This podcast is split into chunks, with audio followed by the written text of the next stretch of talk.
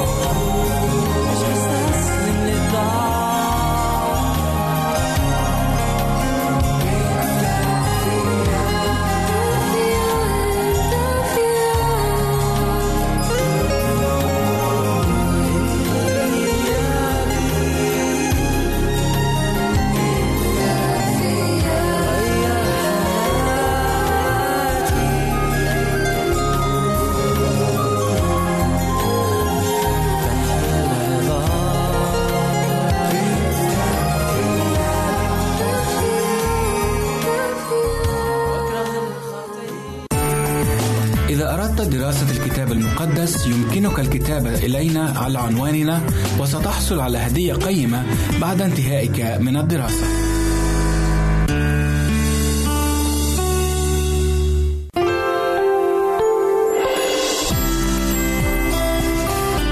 هنا إذاعة صوت الوعد. لكي يكون الوعد من نصيبك.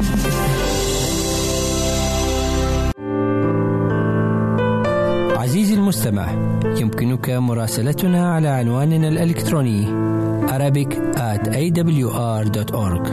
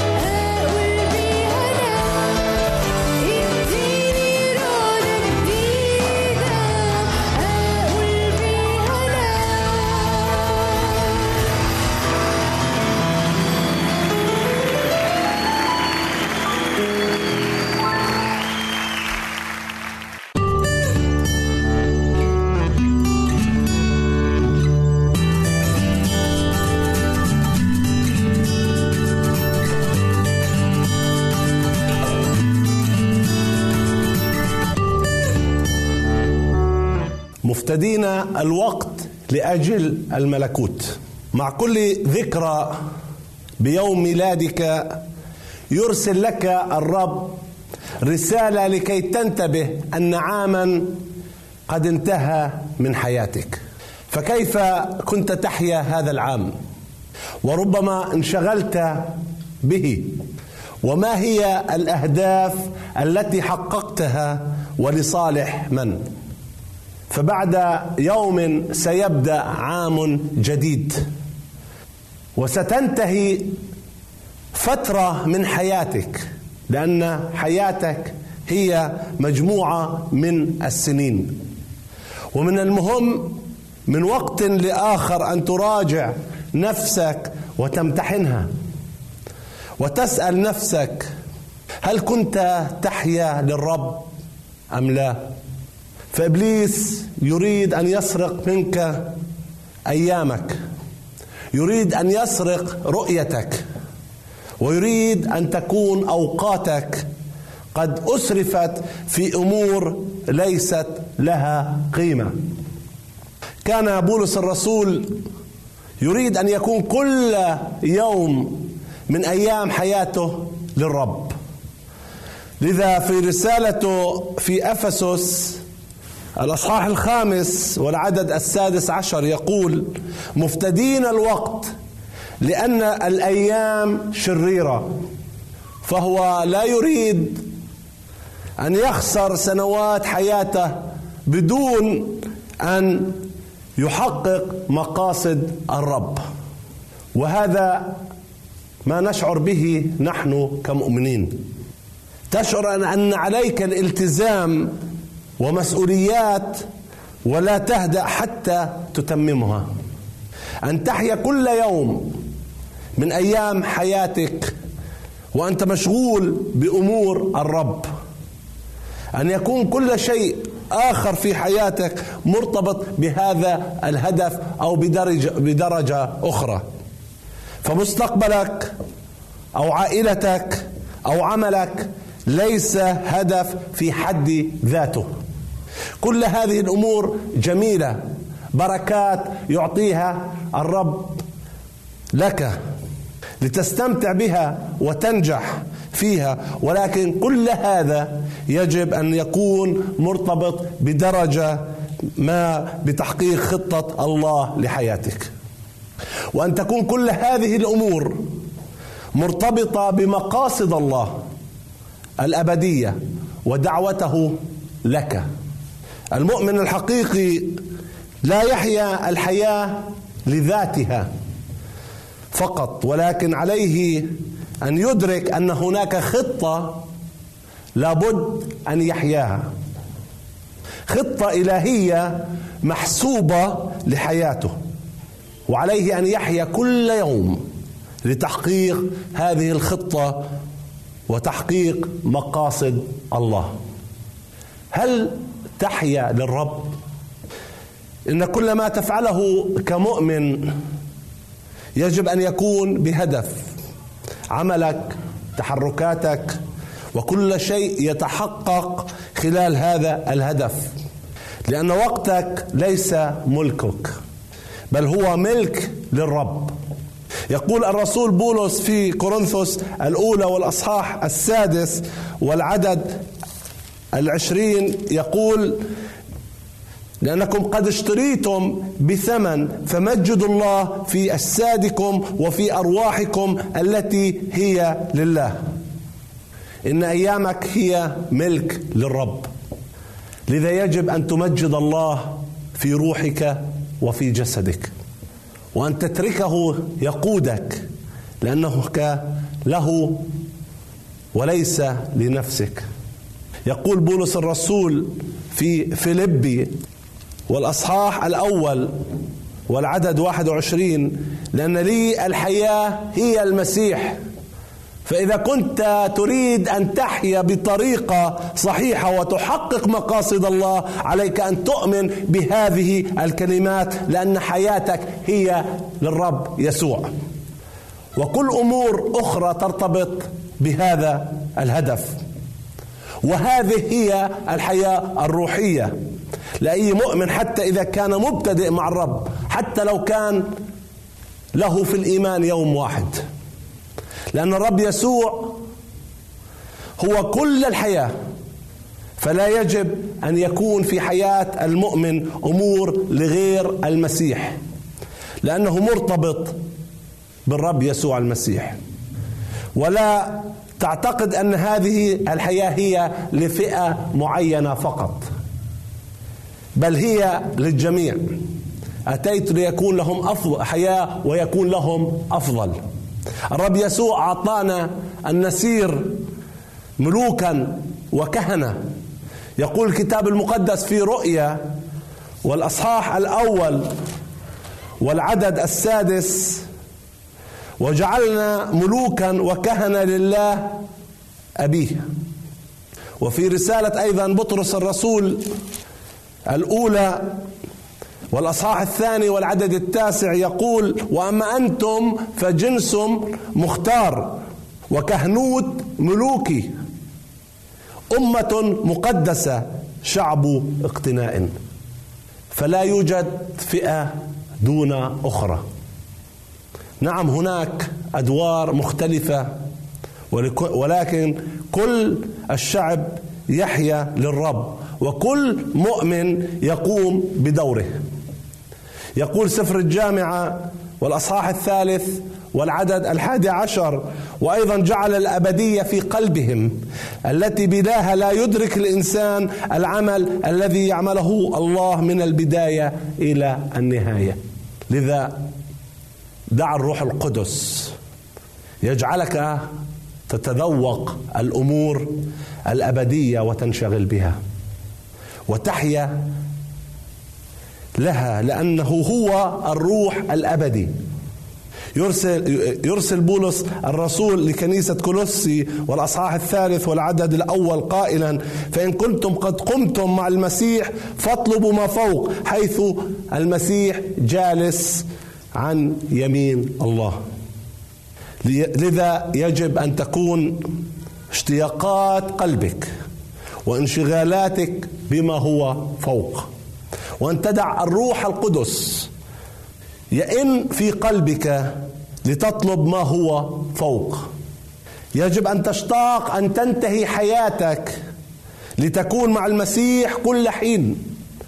وفي نفس الوقت تشتاق أن تحقق مقاصد وأهداف الرب في حياتك.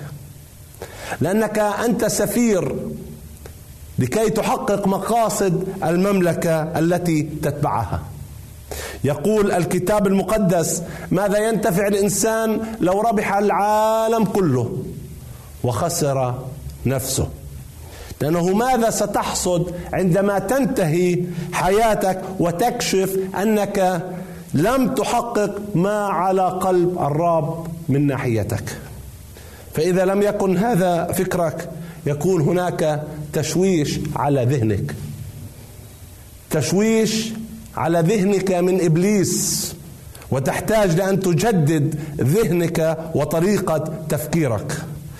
يحدثنا بولس الرسول يحدث المؤمن أن يجدد ذهنه قائلا في روميا الأصحاح الثاني عشر والعدد الثاني تغيروا عن شكلكم بتجديد أذهانكم. لأن كل من في المسيح له حياة أبدية. ولكن هناك هو أهم من هذا وهو تحقيق المشيئة الإلهية. أن تحقق مقاصد الله. عليك أن تبني في الملكوت.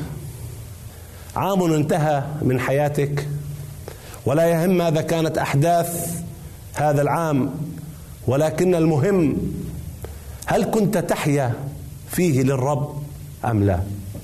هل كانت يد الرب فيه؟ وهل كل يوم كان من حياتك هو للرب؟ ليس أن تحيا لتحقق أمور روحية تبدو جيدة ولكن تحيا لكي تحقق ما على قلب الرب لك. فلا تتشبح باحد بأحد آخر أو تفعل دور أحد ما ولكن تحيا بنقاوة وقداسة. لأن المعنى الأساسي لكلمة قداسة يعني التخصيص أي أن تحيا مخصص للرب. قال الرب يسوع للرسول بطرس في إنجيل يوحنا أنك تمد يدك وآخر يمنطقك ويذهب بك إلى حيث لا تشاء. لذا لتكن صلاة قلبك. أن يحفظك الرب من أن تضيع أيامك وأوقاتك هباء. وأن تحيا لتحقق مقاصد وأهداف الرب في حياتك. كيف تسلك؟ تكلم بولس الرسول في أفسس اصحاح الخامس والعدد الخامس عشر بهذه الكلمات لكل مؤمن ويريد أن يجعله منتبه كيف يسلك. فقال فانظروا كيف تسلكون بالتدقيق لا كجهلاء بل كحكماء. فهل تسلك بجهل أم تسلك بحكمة؟ هل مشغول بما على قلب الرب؟ إن جزء من الجهل أن تدع وقتك يذهب فناء.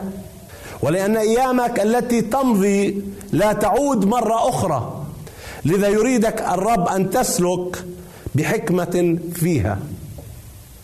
يقول في العدد السابع عشر من أجل ذلك لا تكونوا أغبياء بل فاهمين ما هي مشيئة الرب.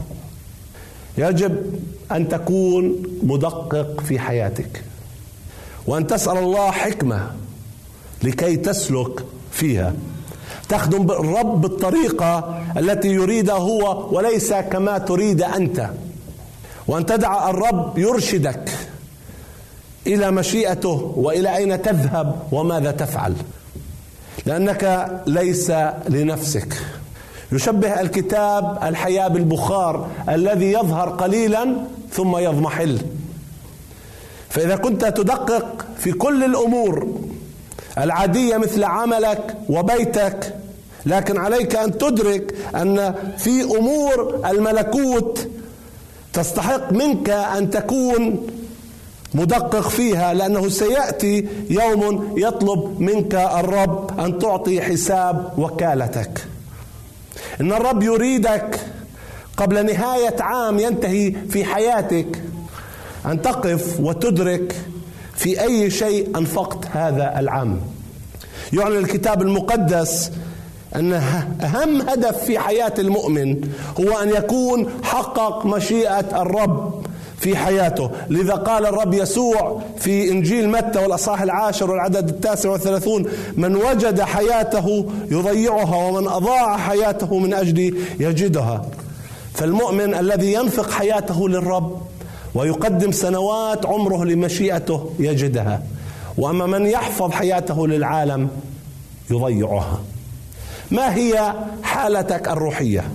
شبه الرب يسوع حالة المؤمن بالوكيل الأمين في لوقا الأصحاح الثاني عشر والعدد 42 فيقول فمن هو الوكيل الأمين الحكيم الذي يقيمه سيده على خدمه ليعطيهم العلوفه في حينها؟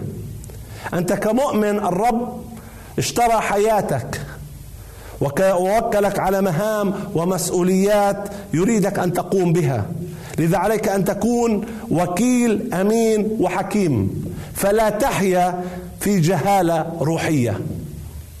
ولكن يجب أن تتمتع بالحكمة وتتاجر بالأمانة. يقول الكتاب طوبى لذلك العبد الذي إذا جاء سيده يجد يجده يفعل هكذا.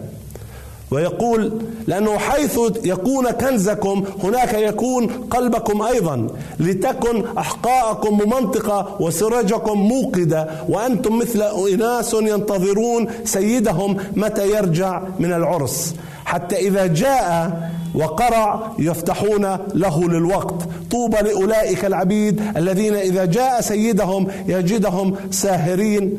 الحق أقول لكم أنه يتمنطق ويتقئهم ويتقدم ويخدمهم. فما هو كنزك؟ وأين هو؟ وبماذا تنشغل؟ لذا احترس من أن تكون تصنع لك كيسا مثقوبا. يجب عليك أن تكون في حالة من اليقظة والاستعداد. ومنتظر الرب لأنك لا تعلم متى سيأتي أو متى ستنتهي حياتك. إن مبدأ مجيء الرب فجأة حقيقة مؤكدة. فهذا هو قانون الكتاب المقدس. فإن أتى الرب اليوم وقال لك أعطي حساب وكالتك. الآن فهل ترى نفسك أنك كنت أمينا في القليل؟ قال الرب يسوع في نفس الأصحاح لوقا العدد في الأعداد 38 و40 من أصحاح الثاني عشر وإن أتى في الهزيع الثاني أو أتى في الهزيع الثالث ووجدهم هكذا. فطوبى لأولئك العبيد وإنما اعلموا هذا إنه لو عرف رب البيت في أية ساعة يأتي السارق لسهرة ولم يدع بيته ينقب. فكونوا أنتم إذا مستعدين لأنه في ساعة لا تظنون يأتي ابن الإنسان. لذا لا تنتظر حتى تنتهي من أمور تشغلك في الحياة لتحيا للرب. لأنه لن يأتي وقت تجد نفسك فيه غير منشغل بأمر ما أو تنتظر انتهاء مرحلة ما من حياتك لأنه ستأتي مرحلة أخرى ولكن يجب أن تحيا للرب في كل وقت وفي كل مراحل حياتك. يخبرنا الكتاب المقدس عن يوسف كيف كان يحيا للرب وهو مسجون وعندما كان في مصر في كل مراحل حياته. ولهذا عليك أن تنتقل من مرحلة لمرحلة وأنت تحيا للرب يسوع. وإذا كنت تمر بمرحلة تبدو صعبة لا تنتظر حتى تنتهي المرحلة الماضية. ولكن كن امينا ولا تدع إبليس يخدعك ويسرق وقتك. إن الرب سيأتي في ساعة لا تعلمها. إن علامات مجيء الرب الزلازل المجاعات الأوبئة متحققة وستزداد لأن الوقت قد اقترب. ولكن ماذا إذا انتهت حياتك اليوم؟ هل أنت متيقظ ومنتبه؟ يقول الرسول بولس في كورنثوس الثانية والأصحاح الخامس والعددين الأول والثاني لأننا نعلم أنه إن نقض بيت خيمتنا الأرضي فلنا في السماوات بناء من الله. بيت غير مصنوع بيد أبدي. فإننا في هذه أيضا نئن مشتاقين إلى أن نلبس فوقها مسكننا الذي من السماء. أنت كمؤمن يجب أن يكون لك اشتياقات روحية لأن لك عربون الروح. الذي يضع في قلبك اشتياق لتحقيق مقاصد السماء. لذلك نحترص أيضا مستوطنين كنا أو متغربين أن نكون مرضيين عنده لأنه لا يريد ولا بد أننا جميعنا نظهر أمام كرسي المسيح لينال كل واحد منا كان بالجسد بحسب ما صنع خيرا كان أم شرا. وهذا يأتي في العدد التاسع والعاشر. وانك تعلم أنك ستقف أمام كرسي المسيح لذا يجب أن تكون حريص أن تكون في كل يوم تسير في الطريق الذي يحقق ما يرضي الله. وتهتم بأن تتمم أهدافه في حياتك. لذا اطلب من الرب أن يجعلك تسير في الطريق التي تحقق ما يرضي الله وتهتم بأن تتمم أهدافه في حياتك. لذا اطلب أن تكون غير مشغول عنه بالعالم. وإذا كان هناك خطايا معينة في حياتك لن تستطيع أن تحيا للأسف للرب. لأن الخطية ستجعل قلبك بارد وغير مشتعل. لأن الكتاب يقول أنه لكثرة الإثم تبرد محبة الكثيرين. استخدم الرسول يعقوب في رسالته التعبير الروح الذي كان يعبر عن حالة شعب الله في العهد القديم لأنهم كانوا يعبدون آلهة أخرى. قال أيها الزنا والزواني أما تعلمون أن محبة العالم عداوة لله؟ فمن أراد أن يكون محبا للعالم فقد صار عدوا لله. فإذا كنت منشغل عن الرب فهذا هو نوع من الزنا الروحي. لذا لتكن صلاتك أن يفتح الرب عينيك لتدرك الأمور التي تعطلك عن أن تحيا للرب يسوع وأن تعطيه سنواتك القادمة ملك له وأن يتسيد على قلبك. احترس من أن تحيا متمردا أو هاربا من الدعوة. إن هناك ما يسمى بالطفولة الروحية وهي أن تحيا كما تشاء. وأن تجري وراء أهدافك وأن تختار كيف تخدم الرب. والكتاب يتعهد يتحدث في العهد القديم عن شاول الذي كان يريد أن يهرب من الدعوة, من الدعوة فاختبأ في الأمتعة في صمائيل الأولى الأصحاح العاشر. وبرغم أن الرب اختار ودعاه لكنه بعد ذلك أخذ قرارا ليس من الرب بأن أعفى عن حيوانات ليقدمها للرب وكان الرب قد حرمها. فكان هذا بداية الانكسار في حياته لأنه لم يطع الرب.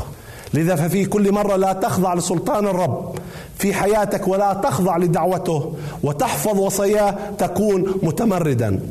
إن الرب قد يريدك أن تخدمه وسط انشغالاتك ويجب أن تطيع أهدافه في حياتك. فأنت مرتبط بالرب مرتبط بدعوته. فهل حياتك وتحركاتك مرتبطة بالرب؟ هل أهدافك مرتبطة بأهداف الرب؟ هل ما يفرحك هو ما يفرح الرب؟ وهل توقيتك متفق مع توقيت الرب؟ لذا ليكن تكريس حياتك هو الهدف الأول في حياتك. سيحفظ الرب حياتك سيحفظ أولادك. يقول المرنم كنت فتى وقد شخت ولم أرى صديقا تخلي عنه ولا ذرية له تلتمس خبزا. لذا أعطي الرب حياتك وسلمه كل قلبك. وإذا كنت غير متأكد من غفران خطاياك في المسيح وغير متيقن أنك ستذهب إلى السماء تعال واعطي وسلم حياتك للرب يسوع المسيح. أعطيه أن يغسل بدمه كل خطاياك. لأن الرب يسوع المسيح الذي سلم حياته لإرادة الرب. وإذا عليك أن تسلم حياتك للرب يسوع المسيح وأن تعيش تحت إرادته وأهدافه لك وأن تطيعه طاعة كاملة لكي تحيا مع ربنا يسوع المسيح بلا لوم في الحياة الأبدية لأننا مفتدين الوقت لأن الوقت شرير. عليك أن تكون مستعد لأن تعطي حساب وكالتك عنده. آمين.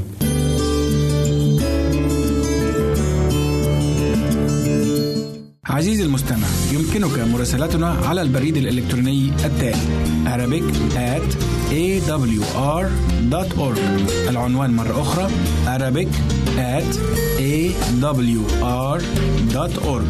ونحن في انتظار رسائلك واقتراحاتك.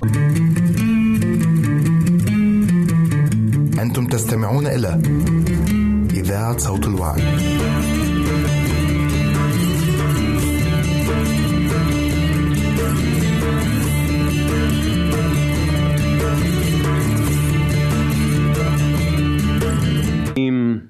قال هربرت الذي لا يستطيع أن يغفر للآخرين يحطم الجسر الذي عليه أن يعبر بواسطته ليصل إلى السماء لأن كل واحد بحاجة للغفران. أهلا بك عزيزي المستمع إلى دنيا التسامح مع حلقة اليوم بعنوان غفران عند الصليب من برنامجك الروحي اليومي من وحي الكتاب. نعيش معه حلاوة الغفران حتى للاعداء راجين لكم كل بركة روحية. قال الرب يسوع في إنجيل لوقا الإصحاح 23 والآية 34 هذه الكلمات يا أبتاه اغفر لهم لأنهم لا يعلمون ماذا يفعلون. منذ أحداث الجلجثة أصبح الصليب رمزا للغفران ومذكرا بمحبة المسيح وبتفكيره في الآخرين. فرغم آلامه استطاع أن يقول يا أبتاه اغفر لهم. فالصليب هو أجابة الله على الكراهية والعداوة وقد أقيمت الصلبان في شتى أرجاء الأرض لذكرى تضحية المسيح بنفسه ولمحبته الغافرة.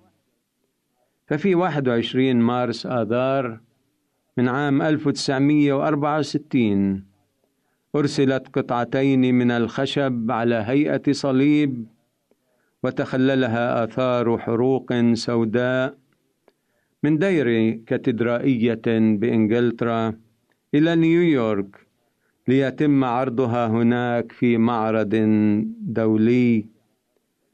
وضع هذا الصليب الذي أرسله الدير في المعرض رمزا للغفران. وقد شاهده الآلاف الناس الذين حضروا المعرض. إن صليب القرن العشرين هذا الذي أرسل إلى المعرض كان بين حطام دير الكاتدرائية الإنجليزية على مدى 24 سنة فقد دمر هذا الدير بالقنابل في نوفمبر عام 1940 وكان الصليب بداخله. وعندما أعيد بناء الكاتدرائية عام 1962 أبقوا على برج الدير وحوائطه رغم السواد الذي ظهر فيها. وخلف الصليب المتفحم هذا والمذبح في الكاتدرائية القديمة كتبت هذه الكلمات يا أبتاه اغفر لهم. فعندما دمرت الكاتدرائية والدير الملحق بها حضر أحد التلاميذ بين الحطام والتقط ثلاثة مسامير وربطها معا على شكل صليب واحتفظ بها كرمز. وأصبح هذا التلميذ الآن كاهنا في الدير وتقدم الكاتدرائية الآن صلبانا مصنوعة من المسامير للجماعات المسيحية التي تعمل في مجال خدمة المصالحة. وهكذا يظهر سكان الدير بل وسكان المدينة المقام فيها غفرانهم للعدو الذي دمر مدينتهم. أحبائي نحتاج جميعا أن نصلي الصلاة ذاتها. يا أبتاه اغفر لهم وعلينا بالتالي أن نغفر لأعدائنا. فمن لا يغفر إنما يكسر الجسر الذي ينبغي أن يعبر لأن كل إنسان يحتاج إلى الغفران. اللهم أحتاج إلى محبتك لتتغلغل في كيان اليوم. فهبني روحك القدوس الذي يستطيع أن يعينني لأغفر وأسامح من أساء إلي تماما كما غفرت أنت ربي وسامحتني على ما بدر مني من أخطاء ولا ننسى أن حلاوة السلام تكمن عندما نصلي طالبين الغفران أو عندما نغفر نحن للآخرين. دمتم أعزائي لروح المسامحة سندا. تحية عطرة وفي سلام القدير نلقاكم. أنت تستمع إلى إذاعة صوت الوعد.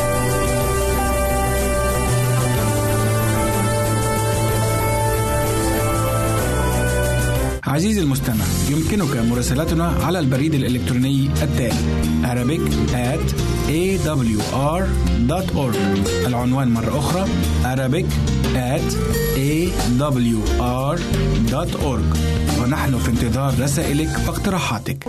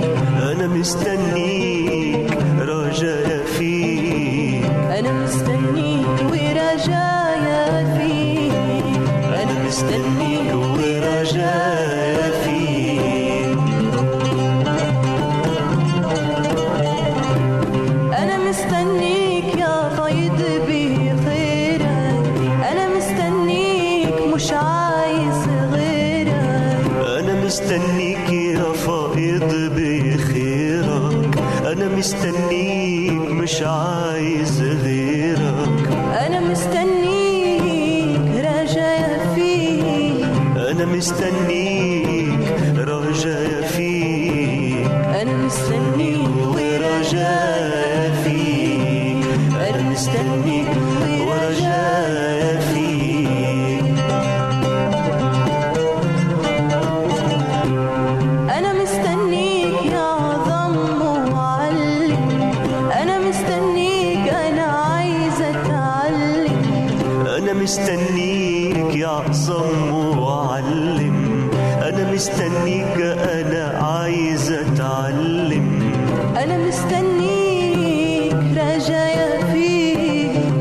مستني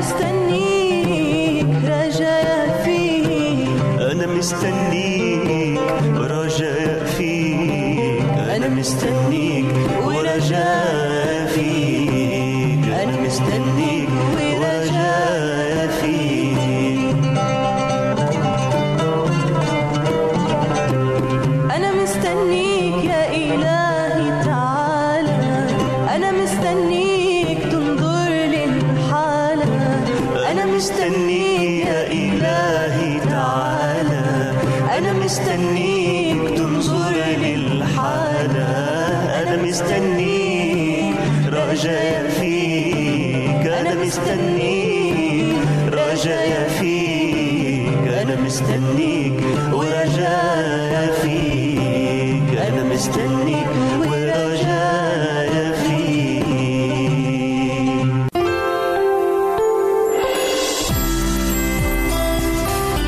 هنا إذاعة صوت الوعد. لكي يكون الوعد من نصيبك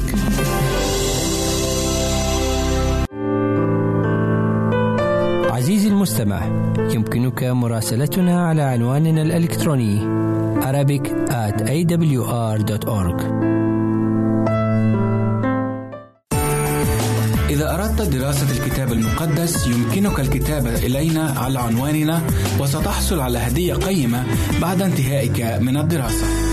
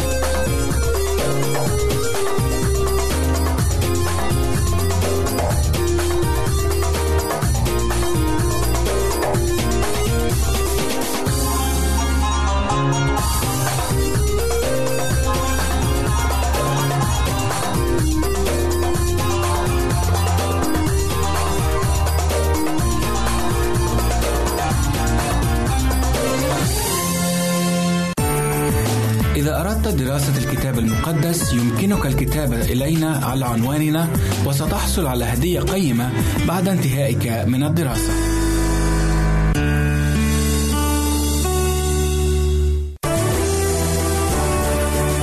أنت تستمع إلى إذاعة صوت الوعد.